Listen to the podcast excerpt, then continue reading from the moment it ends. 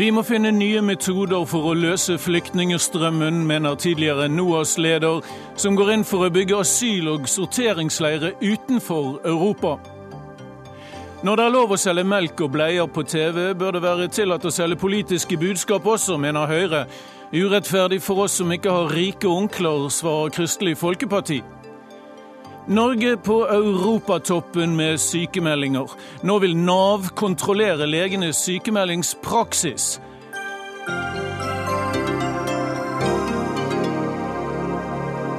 Dette er Dagsnytt 18 med Ole Torp i studio.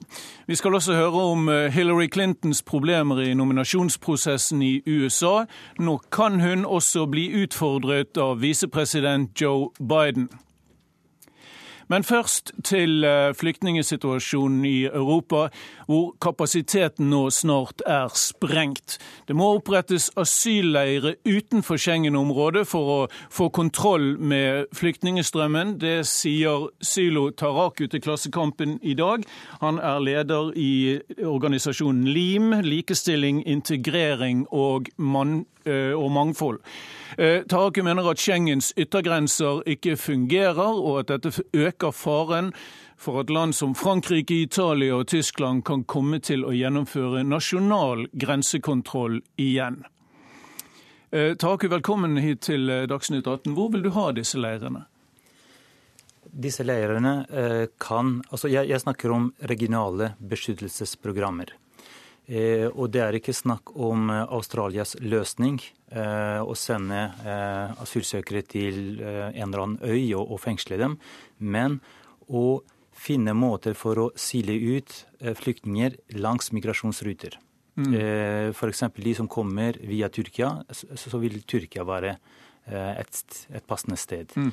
Men hvor store skal disse leirene være, og, og hva vil disse landene hvor interessert er disse landene i randsonen i å ha det? Altså, eh, når man skal opprette noe nytt, eh, så blir det vanskeligere. Når man eh, gjør noe eh, i land der flyktningene og migrantene allerede er der, så blir det mye lettere. For de er der allerede.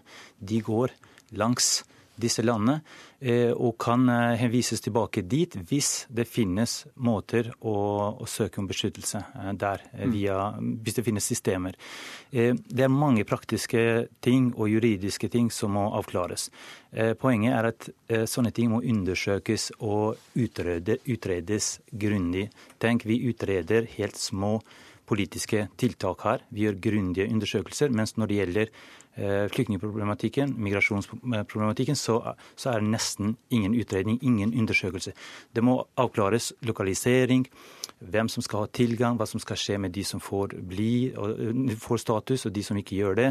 Mang, en, en, rekke spørsmål som rekke må avklares. Spørsmål, rekke spørsmål som må det, avklares, det, som, som, ja. som, mange flyktninger ikke har tid til å vente på, formoder vi. For nå er det veldig mange som knakker på Europas dør. Vi skal komme tilbake til eh, synspunkter eh, på, på planen. Men først skal vi um, ringe til Lesbos, eh, den greske øyen Lesbos, eh, hvor det kommer 200 flyktninger omtrent eh, daglig. Ligger veldig nær den tyrkiske kysten. Og dit er SV-leder Audun Lys Lysbakken også reist. Ikke for å drive valgkamp, eh, Audun Lysbakken, men for å orientere deg om flyktningsituasjonen. Hva, hva lærer du på Lesbos? Det, det, er nesten vanskelig å beskrive. Altså, jeg, jeg trodde jeg var godt forberedt på det jeg skulle få se her, men det, er, det var som å få et slag i magen og bevege meg i havnen på Mytilinia, som er hovedstaden her i dag morges. Det er ikke mulig å forstå omfanget av den flyktningkrisen Europa står oppe i uten å, uten å se det sjøl. Uh, og det er, det, er, det er, utrolig dramatisk det som skjer her nede. Nå kommer nesten 2000 mennesker hver dag. På en tre-fire dager så tar Lesvos imot flere mennesker enn de vi krangler om hvorvidt Norge skal ta imot de neste mm. årene. Audun Lysbakken, ser du for deg leire noe sted for uh, disse menneskene? Altså, det, det, som har gjort aller mest inntrykk for meg her nede i dag, er at det er så mange barn. Det er så forferdelig mange barn. Uh, og, og, Det betyr jo også at vi må gjøre alt vi kan i vår makt for å hindre uh, at flyktningene legger ut på disse livsfarlige reisene. Hit til Lesvos kommer de i små gummibåter over fra Tyrkia. Uh, jeg har møtt så mange unger i dag. Det er livsfarlige reiser de er ute på. Forferdelig hjerteskjærende historier. Og Da må vi ha legale veier inn i Europa som alternativ. Eh, og Da må vi bl.a. se på hvordan vi kan gjøre det mulig å søke om opphold fra andre steder, eh, sånn at, eh, sånn at det kan bli mulig. Som f.eks. disse leirene som det snakket om? Ja, altså jeg synes i hvert fall Vi bør utrede den ideen grundig. Men forutsetningen for det må jo være at Europa faktisk er villig til å ta imot folk. Det som har gjort mange skeptiske til den type ideer, er jo frykten for at det bare betyr at Europa vender ryggen til.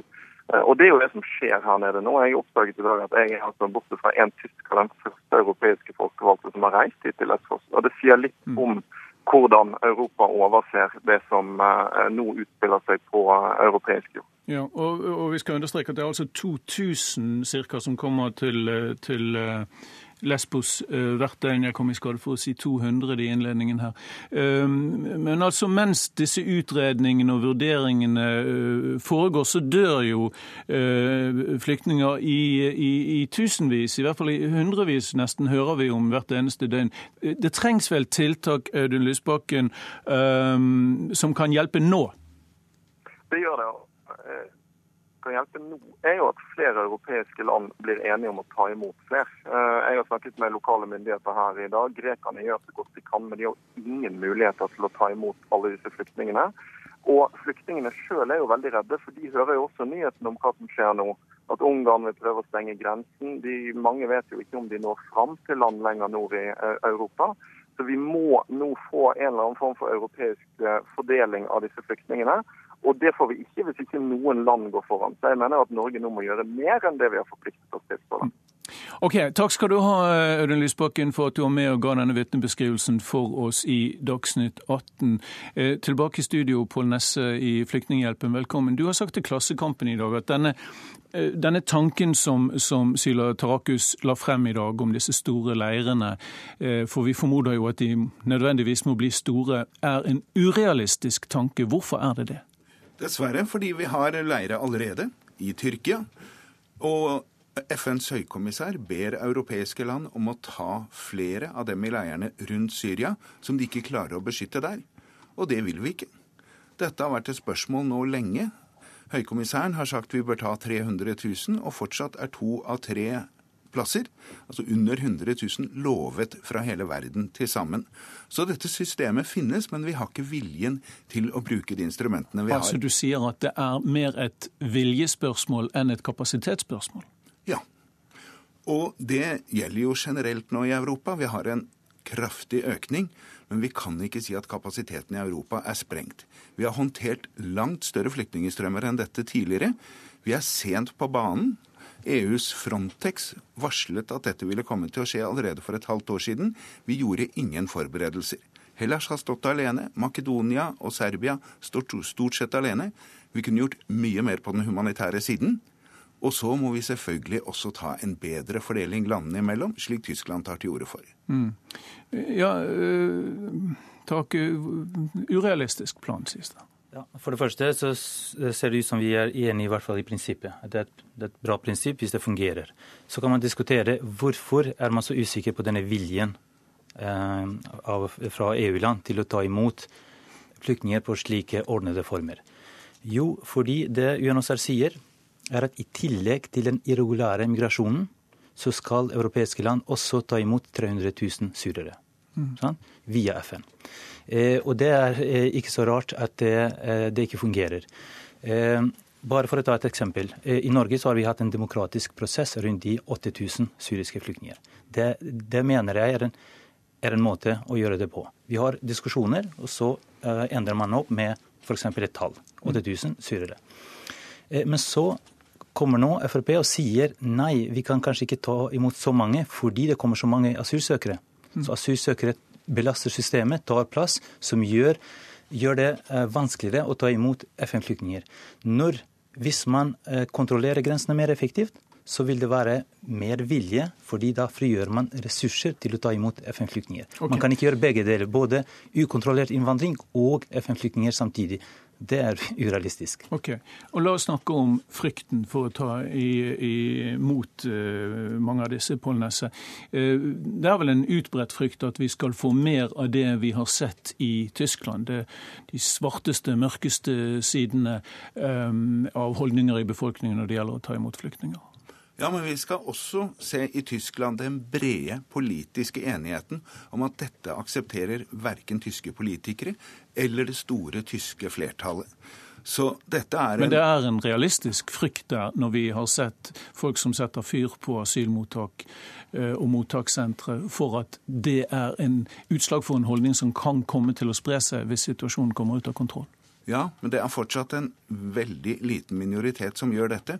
Og vi kan da virkelig ikke si at det er dem som setter fyr på asylmottak, som skal diktere Europas politikk overfor den som flykter fra krig og forfølgelse. Nettopp derfor også var det et godt, som du nevnte, vedtak i Stortinget. Vi syns kunne vært litt rausere.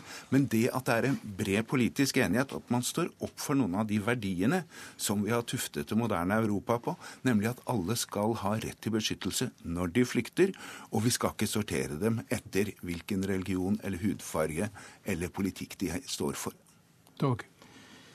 Altså, det Eh, vi må, eh, vi må, være litt urolig på, på, det som skjer i, i Tyskland. Det er bra, som, bra, det reageres, men når folk opplever altså, Du frykter det vi enkelt kan oppfatte som altså, rasisme? Jeg, jeg, frykter både at nasjonalistiske krefter kommer til makten. Vi ser nå hva som skjer i, i Sverige, med Sverigedemokraterna, som er i ferd med å bli største part, det største partiet i, i Sverige. Eh, og, og den, den, uroen i Tyskland. Eh, det er fordi folk opplever at grensene ikke kontrolleres. Eh, og når de hører at 800 000 skal strømme til Tyskland bare i år, det betyr 8 millioner på bare ti år, så skaper det frykt. Eh, og en forutsetning for den interne grensefriheten har vært at de eksterne felles eksterne grenser mm. skal fungere. Så Derfor er EU nødt til å gjøre noe for å kontrollere dette og, og gjøre um, altså flyktningpolitikken litt mer effektiv. Ok, Og du tror at ved å opprette enda større sorteringsleirer i randsonen av Europa, så avlaster man den situasjonen? For da, da, forebygger man tragedier, for det første. Det er det viktigste. Man forebygger at hundrevis eller tusenvis dør.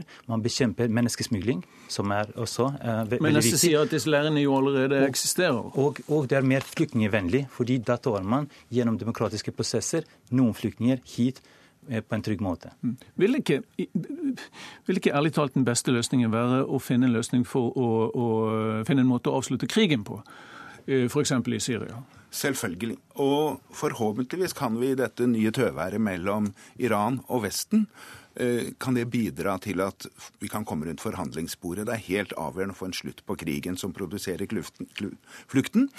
Også fordi veldig mange av dem i nabolandene nå begynner å miste troen på at de kan klare seg der. Så tilbake til disse leierne. Eh, FN ber jo innstendig om penger til de leierne de har. Det er fortsatt to tredjedeler av det de sier er et minimum av finansiering, som ingen har betalt. Så det flyktningene er nødt til å ty til nå for å klare seg selv, er sine egne initiativ, sin egen fremdrift, og ta ansvaret for seg selv og prøve å finne en løsning. Så vi bør gjøre veldig mye mer på mange fronter, men å samle dem opp i store leire er ikke mulig.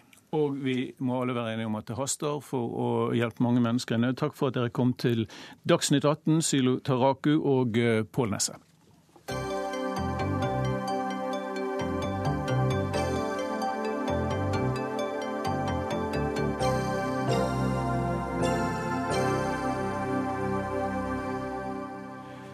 Tenk deg at du sitter i din egen eh, gode stue en kveld og ser TV, og så blir avbrutt på denne måten.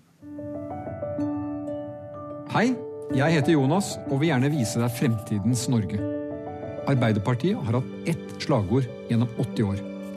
Arbeid til alle er jobb nummer én. Jeg håper du er enig med meg og stemmer Arbeiderpartiet. Ja, så brutalt kan man bli revet ut av TV-kosen av f.eks. Jonas Gahr Støre, som vi hørte her, eller andre politikere for den saks skyld.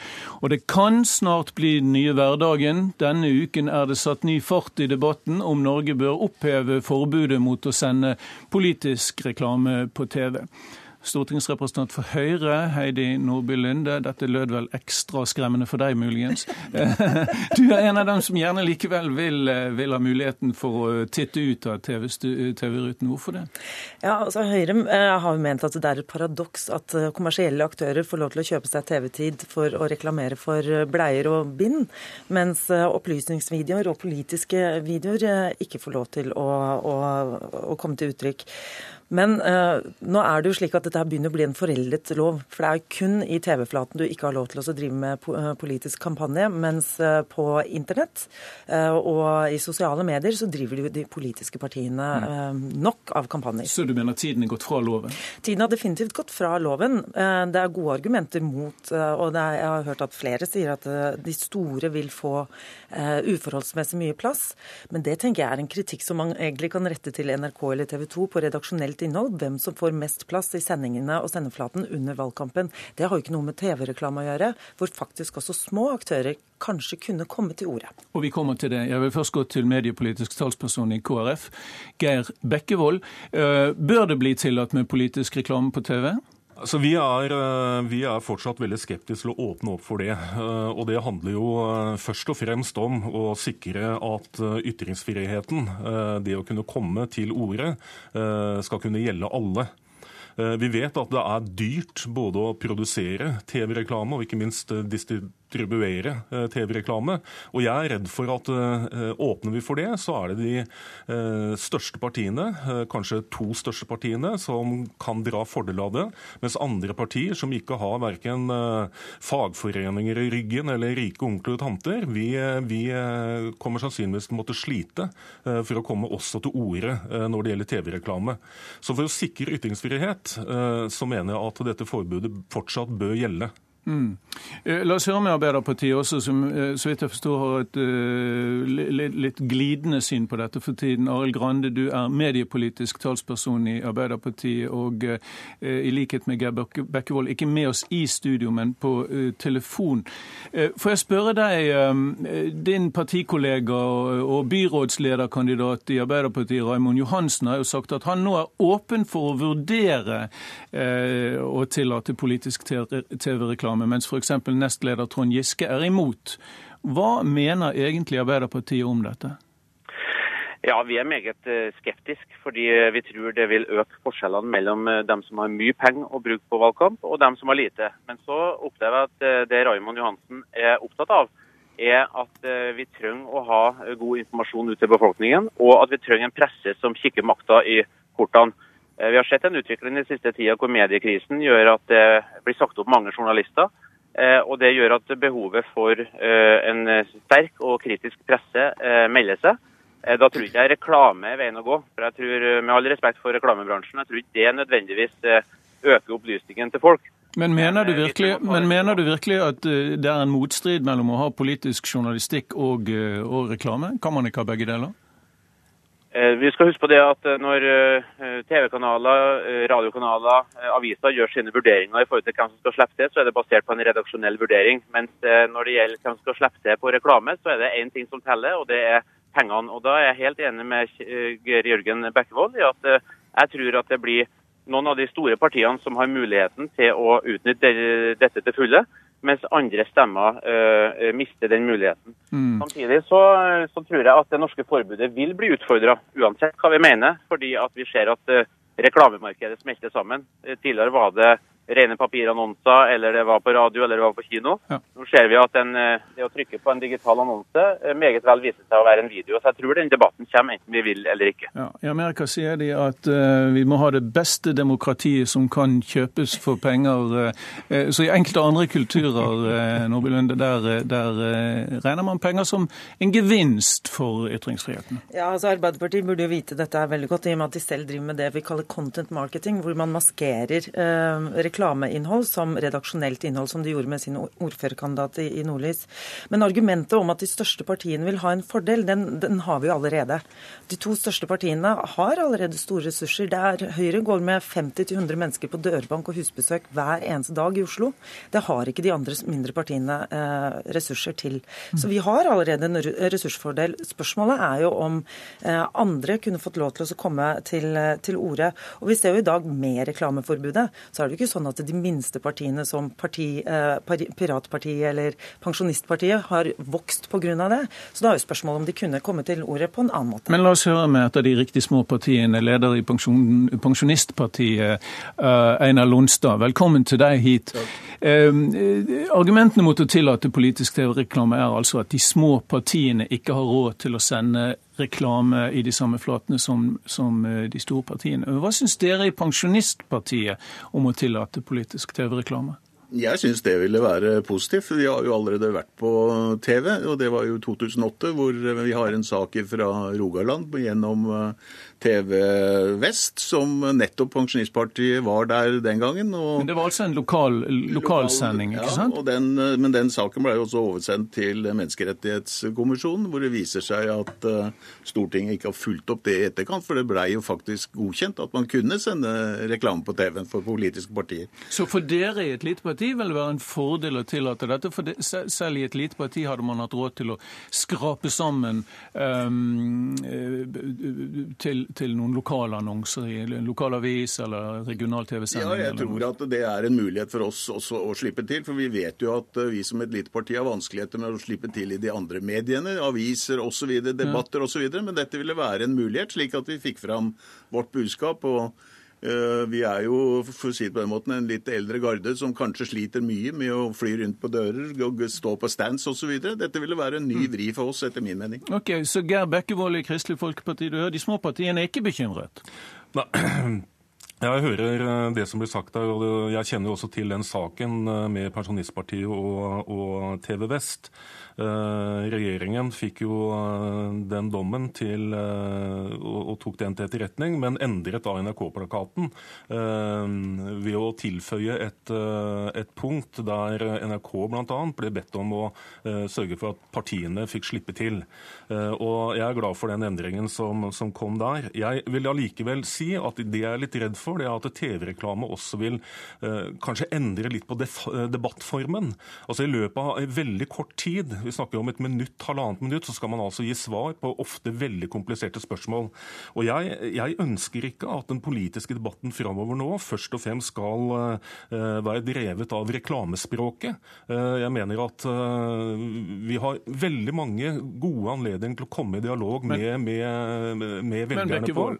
Men men Bekkevold, med all respekt, er ikke det en veldig jomfrunalsk innstilling når det vises politisk reklame i aviser, på bussen, i sosiale medier, på YouTube osv.? Hva, hva vil egentlig være den store forskjellen med oss å ta skrittet fullt ut? Den store forskjellen, øh, slik jeg ser det, det er jo at TV, TV som medium har en veldig sterk gjennomslagskraft. Og hvis det eh, utvikler seg slik at øh, det bare er noen få partier som har råd til å bruke dette sterke TV-mediumet, eh, så er det mange ytringer som ikke får komme til orde. Og dette er ikke, dette er ikke en jomfruelig eh, måte å, å, se dette på. Jeg tror at veldig mange partier kommer til å måtte slite for å nå gjennom lydmuren hvis vi åpner for dette. Men de største partiene får jo allerede mye oppmerksomhet på de ulike flatene i dag, også når det gjelder redaksjonell eh, omtale. Det er jo snakk om om de andre, andre kan ta de samme mediene i, i, bruk.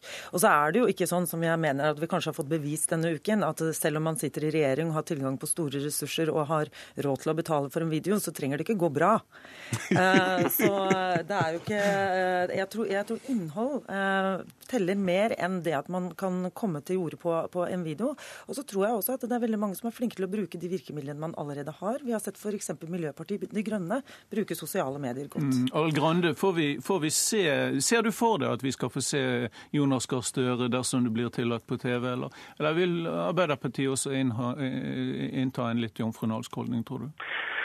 Personlig syns jeg jo det er en fordel jo mer Jonas vises på TV, selvfølgelig. Jeg, jeg spør i reklamesammenheng. Ja. Hvis dette skal eh, åpnes opp for, så kommer Arbeiderpartiet til å utnytte det til fulle. Det er helt eh, garantert, og det tror jeg de store partiene eh, vil gjøre.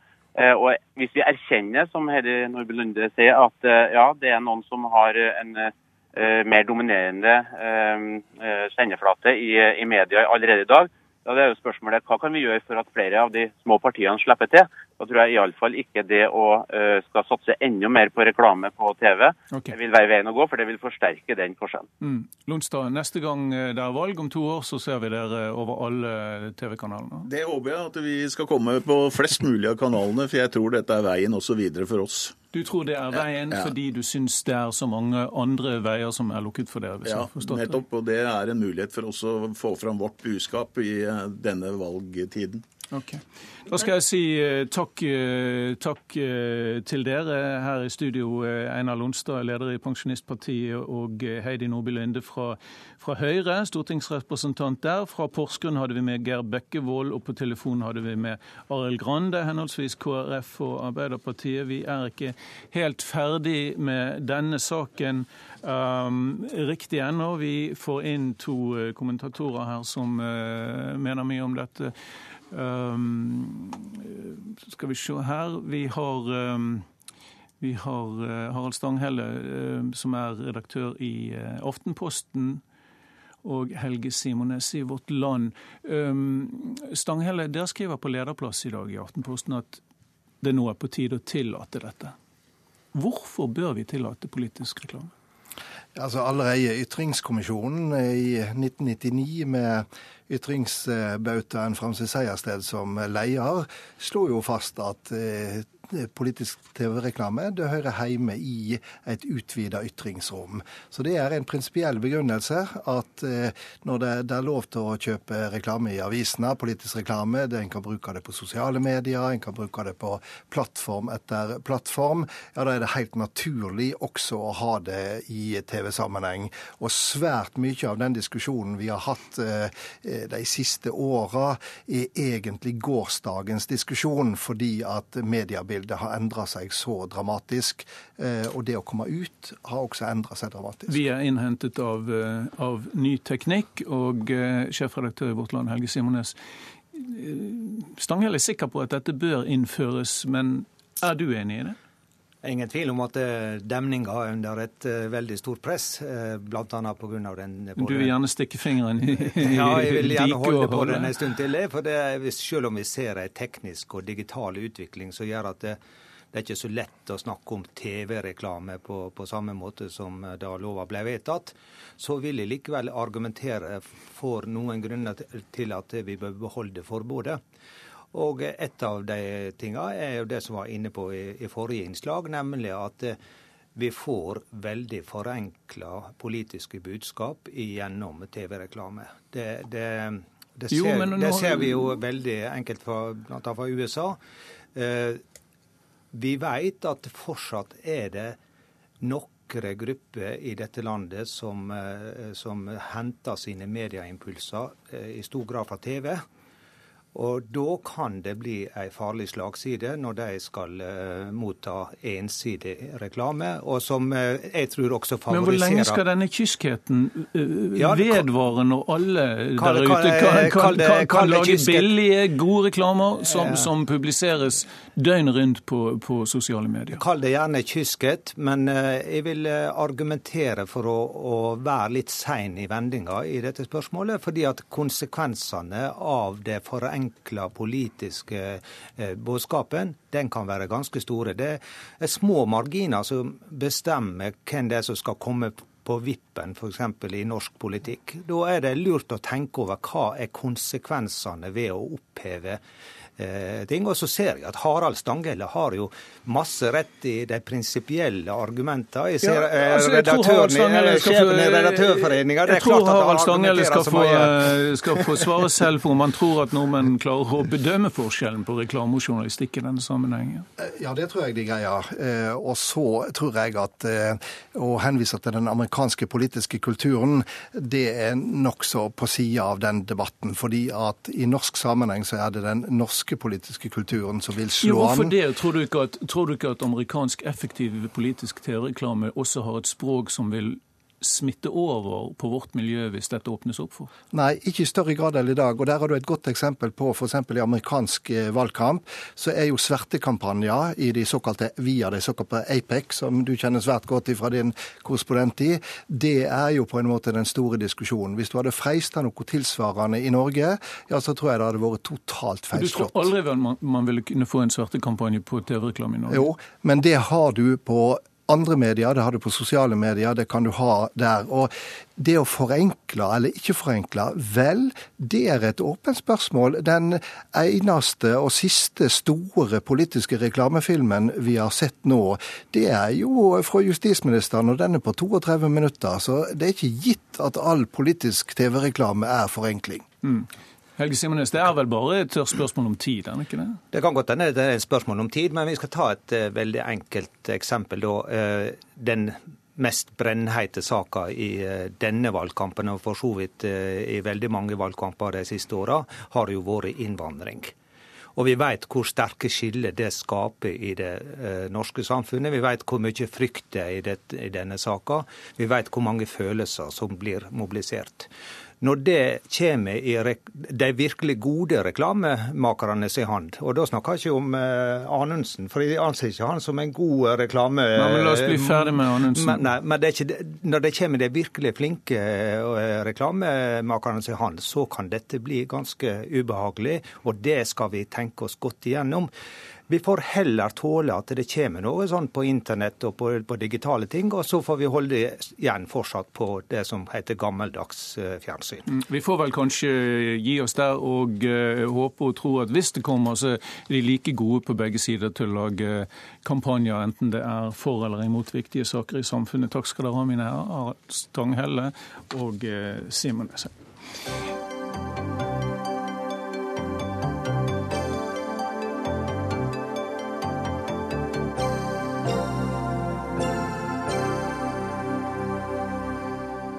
Så skal vi til amerikansk politikk. Ikke om eh, TV-reklame, men om presidentvalget, som eh, hele tiden føles som det er nært forestående, selv om det er en stund til så diskuteres det i det vide og det brede. Før presidentvalget neste år er Hillary Clinton fremdeles favoritt til å bli demokratenes kandidat, men det er etter hvert mange skjær i sjøen. For stadig flere demokratiske ledere bekymrer seg nå over hvor uforsiktig hun behandlet sin e-postkonto i Utenriksdepartementet, og hvor lite selvkritikk hun har villet ta for det.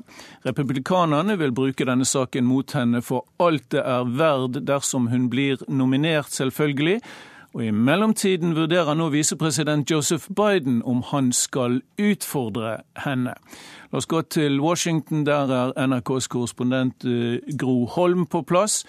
Eh, Gro Holm, når er det ventet at Joe Biden vil bestemme seg for om han stiller eller ikke? Ja, Han må i hvert fall ha bestemt seg før den første fjernsynsdebatten, og den er 16.10. Eh, de fleste tror at beslutningen eh, kommer i løpet av få uker, sannsynligvis i siste halvdel av eh, september. Og Pressetalsmannen for Det hvite hus, Josh Ernest, sa i går at Biden må få tid og rom til å bestemme seg.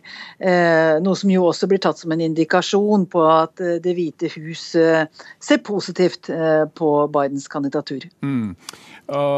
Men foretar Biden seg noe utover sonderinger, familieråd, uh, tenkning hjemme, som tyder på at han sterkt vurderer dette?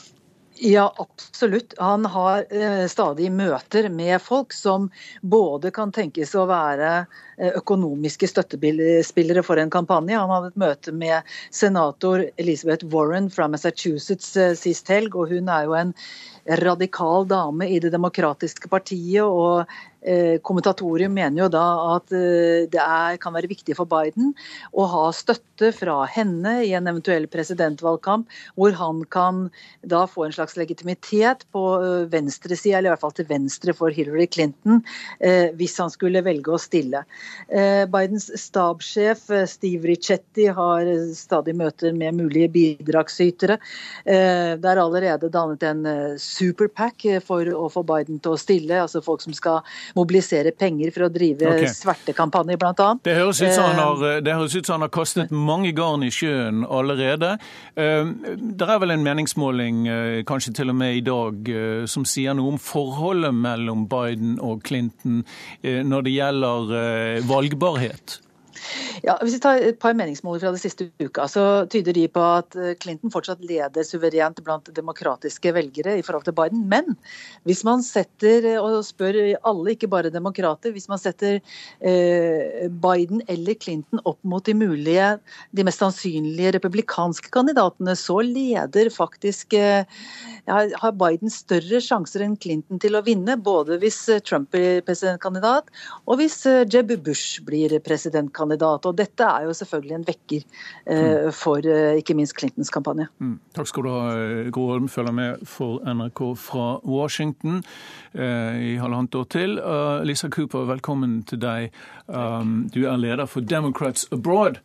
Um, La oss bare ta denne e-postsaken. Eh, har Hillary Clinton tatt for lett på den? Hun har altså tatt med seg hjem eh, e-poster eh, på sin private server som hørte til i State Department, og kan kanskje ha, ha lagt dem ut eller benyttet dem på en måte som gjør at de er ømtålige.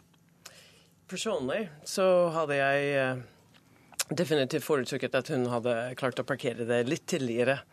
Uh, og, og det, er, eh, det, har ikke vært så veldig bra når det gjelder hennes kampanje, at uh, det, er ikke klart å, å putte en lokk på dette. Hun spøker med det? Ja, men uh, la oss ikke glemme putte det i en kontekst. You know, vi har det i en valgkamp, og republikanere kommer til å prøve å finne alle mulige rare skandaler som de kan.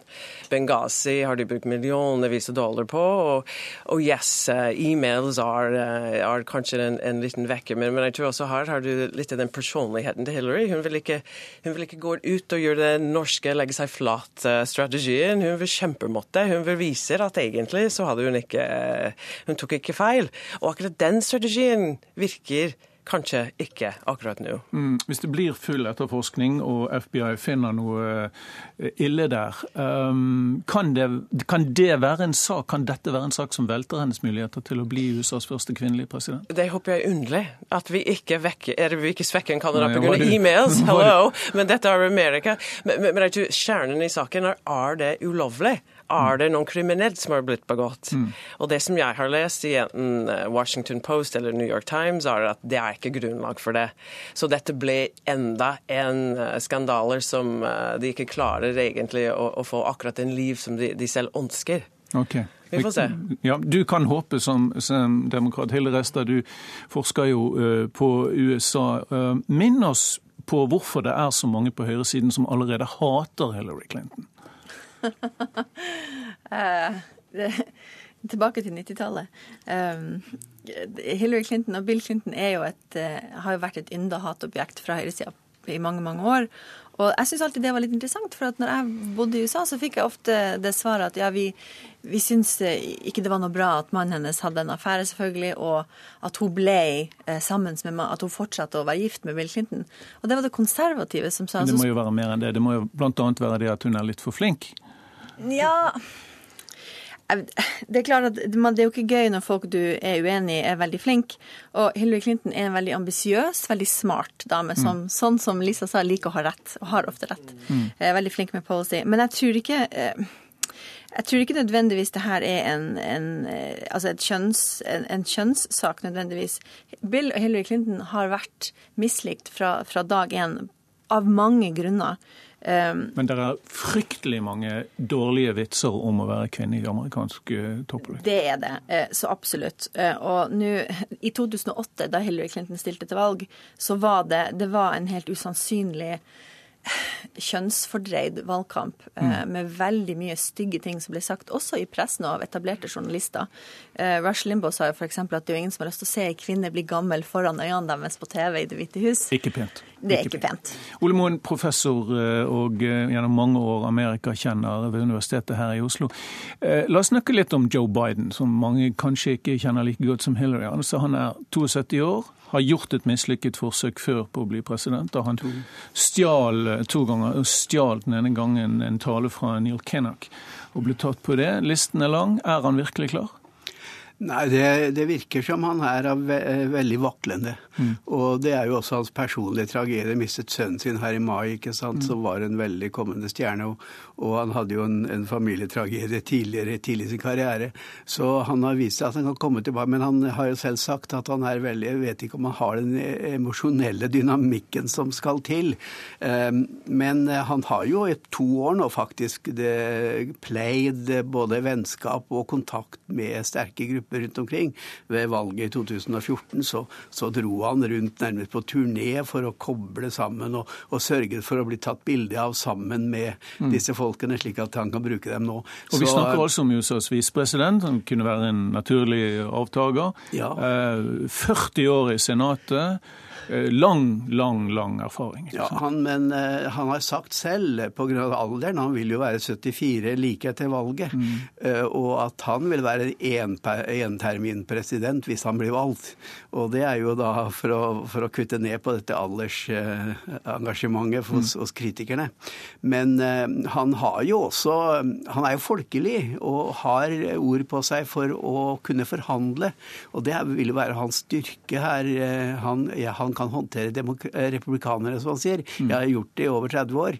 Uh, Hillary er ikke kjent for å være Han er en tøffing, ikke sant? Han er en jo, irsk tøffing. Han er det, og han er litt uforsiktig med mm. hva han sier. Han setter, setter, foten i munnen av og til, som amerikanerne sier. Ja. Og, og, det ville vi brukt imot ham. Men pressen har vært veldig snill med ham. De har tatt det på en godlynt måte, i motsetning til Hillary, som de, de er veldig etter hele tiden. Veldig etter hele tiden. Lisa Cooper. Uh, hvem av de to ville ha størst appell blant unge velgere i USA? Jeg tror Biden. Jeg må først si at jeg liker Biden veldig godt. Jeg synes, uh, Det er at med hans appell, hans erfaring, som du snakket om. Han har uh, en kjærlighet, en humør. Uh, han er nesten som en Trump light, hvis man kan si det. Mm. Han kan fleipe. Snakker du om noe likability? Yes, definitive Trump, likability. hans, hans, uformelle stil appellerer mer til yngre enn det Hillary Clinton gjør. Ja, jeg, jeg, tror han går veldig mye lettere gjennom en, en, en Hillary som oppleves som kanskje kanskje litt stiv og litt for, uh, litt for profesjonelt uh, for unge. Kanskje men, det, ikke... men det, er, det, åpner for et enormt fall her, og en stor risiko for ham, selvfølgelig. Dette er mannen som kan splitte våt, som kan eh, ødelegge for demokratenes sjanse hvis man ikke samler seg, hvis man får en opprivende nominasjonskamp. ikke sant? Ja, definitivt. Og det er jo to scenarioer. Og han kan forhindre at en kvinne, kvinne blir president. Ja, og det er to scenarioer, fordi det er jo ikke gitt at Clinton gir seg. Hvis han hopper inn fordi at hun virker svak, men hun fortsatt er inne i gamet, så vil du ha en oppriv, opprivende og antageligvis ødeleggende eh, primary fight. Hvis hun eh, derimot dropper ut, så er det jo ikke bare Joe Biden som vil hoppe inn. Da vil jo enhver senator og guvernør som er demokrat se i speilet og se en fremtidig president, mm. og da vil vi ha republikanske tilstander på den demokratiske sida. Men eh, noe som taler mot ham, er jo at dette er en tradisjonell eh, establishment hvit mann, og det er nok veldig mange ihuga Hillary-fans som vil ha problemer med, med det.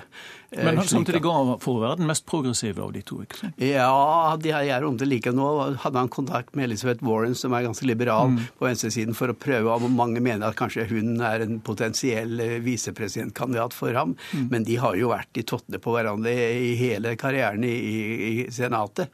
Så, eller da han var der. Men de er flinke i Amerika til å slå, slå uh, fred og leir når, når, jo, de. når, de. er forbi nominasjonsprosessen? Ja, det er det. Og han er jo en, en likandes kar som også har vært veldig flink nå til å, til å stryke det over ryggen. Helt kort, Ole Moen. Hva er den viktigste politiske forskjellen på Hillary Clinton og eh, Joe Biden?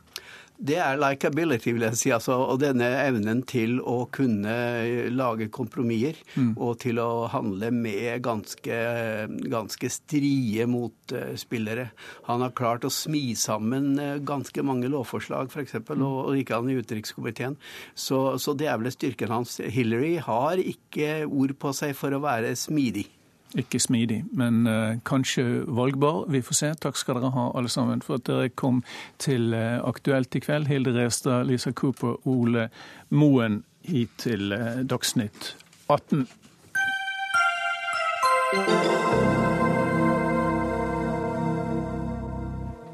Da skal vi videre i sendingen og snakke her i Dagsnytt 18, som programmet heter, og snakke om sykemeldinger og sykefravær. Norge er nemlig i særklasse og slår alle statistikker nå når det gjelder sykemeldinger.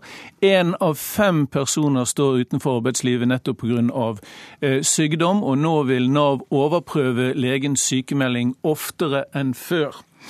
Eh, Yngvar Aasholt, kunnskapsdirektør i Nav. Du sier til Adresseavisen i dag at leger må tåle å bli sett mer i kortene, særlig når de sykmelder folk over lengre tid. Stoler ikke Nav på legene? Jo, vi eh, har et veldig godt samarbeid med legene. Eh, samtidig så vet vi at det å sette fornuftige sykemeldingslengder er, er, er vanskelig. Eh, derfor har vi jobba nå gjennom flere år for å få opp eh, gode systemer for å treffe så godt som mulig med sykemeldingene. Det vi vet, er jo at Sykefraværet i Norge det er, det er, høyt, det er for høyt. Det er erkjent blant partene i arbeidslivet og regjeringen. Det skal jobbes for å få det ned. Vi vet også det å komme tilbake til arbeid er veldig positivt for helsa. Og vi vet at for lange sykemeldinger eh, kan virke veldig negativt, så folk blir stående utenfor arbeidslivet. At de graver seg ned i Blir stående utenfor, og vanskelig å komme, komme, tilbake i arbeid jo lenger utenfor du er. Mm. Derfor er det viktig å ha en debatt rundt hvordan vi skal håndtere dette. Og den tar vi nå. Svein Aarseth, du er leder for eh, Rådet for legeetikk og, og eh, fastlege. Hvor problematisk er det at Navs rådgivere og saksbehandlerne der skal overprøve fastlegenes vurdering av, av deres pasienter? Eh, hvis vi snakker om å overprøve, så er jo det problematisk, syns jeg. Men hvis det er mer snakk om å se på og, og følge med i våre vurderinger og, og, og sjekke at de holder mål, altså at vi dokumenterer på en skikkelig måte og gjør skikkelige vurderinger, både i forhold til de medisinske forholdene, men også i forhold til uh, altså muligheter til å arbeide, mm. så syns jeg det er, det er greit. Mm. Men også holdt dere snakker om at dere vil nærmest normere noen sykdommer. ikke sant? Dere skal gi, gi dem en, eh, kategorisere dem slik at det skal kunne være lettere å, å tro på sykemeldingene. Sånn å forstå? Er... Altså, En skulder er tre måneder, og et kne er fire måneder? Her er begrepsbruken veldig viktig. Det er uh, veldig viktig å understreke at vi snakker ikke om å normere, men vi snakker om å utvikle en beslutningsstøtte som legene kan bruke. Det er vi i gang med. Det kommer til å komme uh, eksempler på dette mot slutten av året. I Sverige har de hatt dette systemet over flere år. Uh, og det hjelper, angir da, mulige sykemeldingslengder, hva som er anbefalt. Og det tar høyde for forskjeller i arbeidssituasjonen men, for den enkelte. Og dette er laget av men folks knær, Det finnes ikke to make knær eller to make rygger? Nei, det, være, det, må jo være skjønn, eh, betydelig skjønn når man skal utforme en sykemelding. Eh, men, men dere har vel ikke muligheten for å um, vurdere pasienter på samme måte som en, en lege har? Nei, det har vi ikke. Det er helt åpenbart. Men det, det, det som system som kan fungere, og som fungerer i Sverige, og som kan fungere også i Norge, det er jo at man har en angitt lengde, f.eks. at det er anbefalt sykemelding eh, mellom 8 og 12 uker. Mm. Hvis en lege da velger å gå vesentlig over eh, de til 12 ukene, så vil det være naturlig at det dokumenteres og forklares i sykemelding til Nav. Hvordan skal det dokumenteres? Jo, Man sender jo inn en sykemelding til Nav, og da må man beskrive hvorfor dette er nødvendig. Høres det da, greit ut også? Det er jeg med på, men, men altså, dette med hvor lenge man er sykemeldt, det er jo først og fremst noe som også har med arbeidsgiver og arbeidstaker å gjøre. og Det er jo dialogen og tilretteleggingen at eh, muligheten til å korte ned på sykefraværet ligger, tror jeg, altså godt samarbeid på arbeidsplassen omkring mulighetene til å komme tilbake i arbeid, og at arbeidsgiver har mulighet til å tilrettelegge. Mm, det skjønner jeg. Men så er det dette med hverdagslidelsene, hvor forskning er eh, relativt liten. Hvor vanskelig er det å skrive ut en sykemelding for en arbeidstaker som kommer på legekontoret og sier at nå er han simpelthen for sliten til å gå på jobb? Eh, det er verdt en diskusjon. Ja, la oss ta den. Som, nei, jeg mener med pasienten. Gjerne her òg. Ja. Eh, men eh, det er jo da slik at man kan jo da tenke at det er bedre med noen dagers sykemelding enn at vedkommende skal havne helt i kjelleren og bli borte et halvt år. altså Man kan se dette på mange måter. Mm. Eh, så, men det er diskusjoner vi som leger er vant til å ta med våre pasienter. Det burde ligge i legens oppgave også å diskutere pasienten tilbake til arbeid, kanskje? Ja. Mm. Uh, har dere gjort dere opp noen mening om hvorfor Norge ligger så høyt på europastatistikken når det gjelder langtidssykemeldinger? Uh, ja, Det er sannsynligvis mange grunner til det. Vi, for en del år siden så lå vi og konkurrerte i toppen med Nederland og Sverige. De gjorde ganske radikale grep på ulike områder. Svenskene stramma inn på, på, sykepengeregelverket sitt og innførte karensdager og mye sånt. Eh, mens nederlenderne la veldig stort ansvar på arbeidsgiverne. Eh, I Norge så har vi ikke gjort noen av de eh, grepene der. Det vil nok være aktuelt å vurdere noe større ansvar for arbeidsgiverne framover. Men det kan være ting som kan være med å forklare forskjellene. Mm.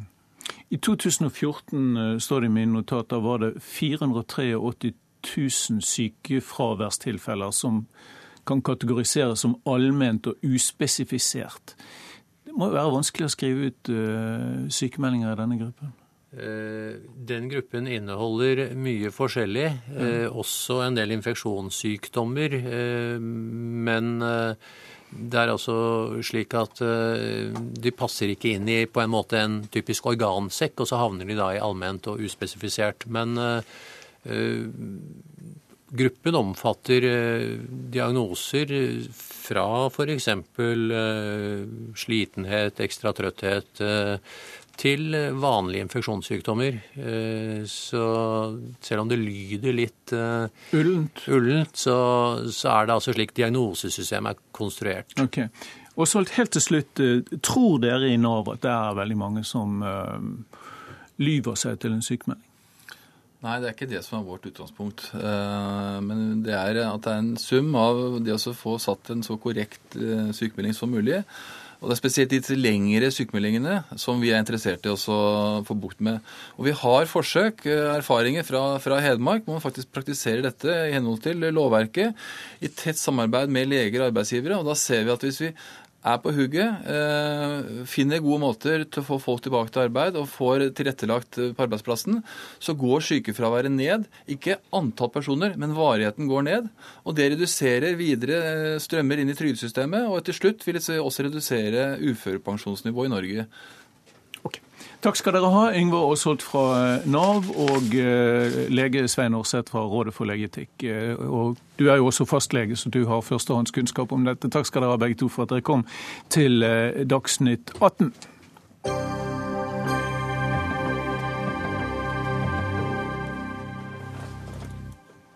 Da skal vi over kjølen. Er det en frykt i svensk kulturliv for å krenke?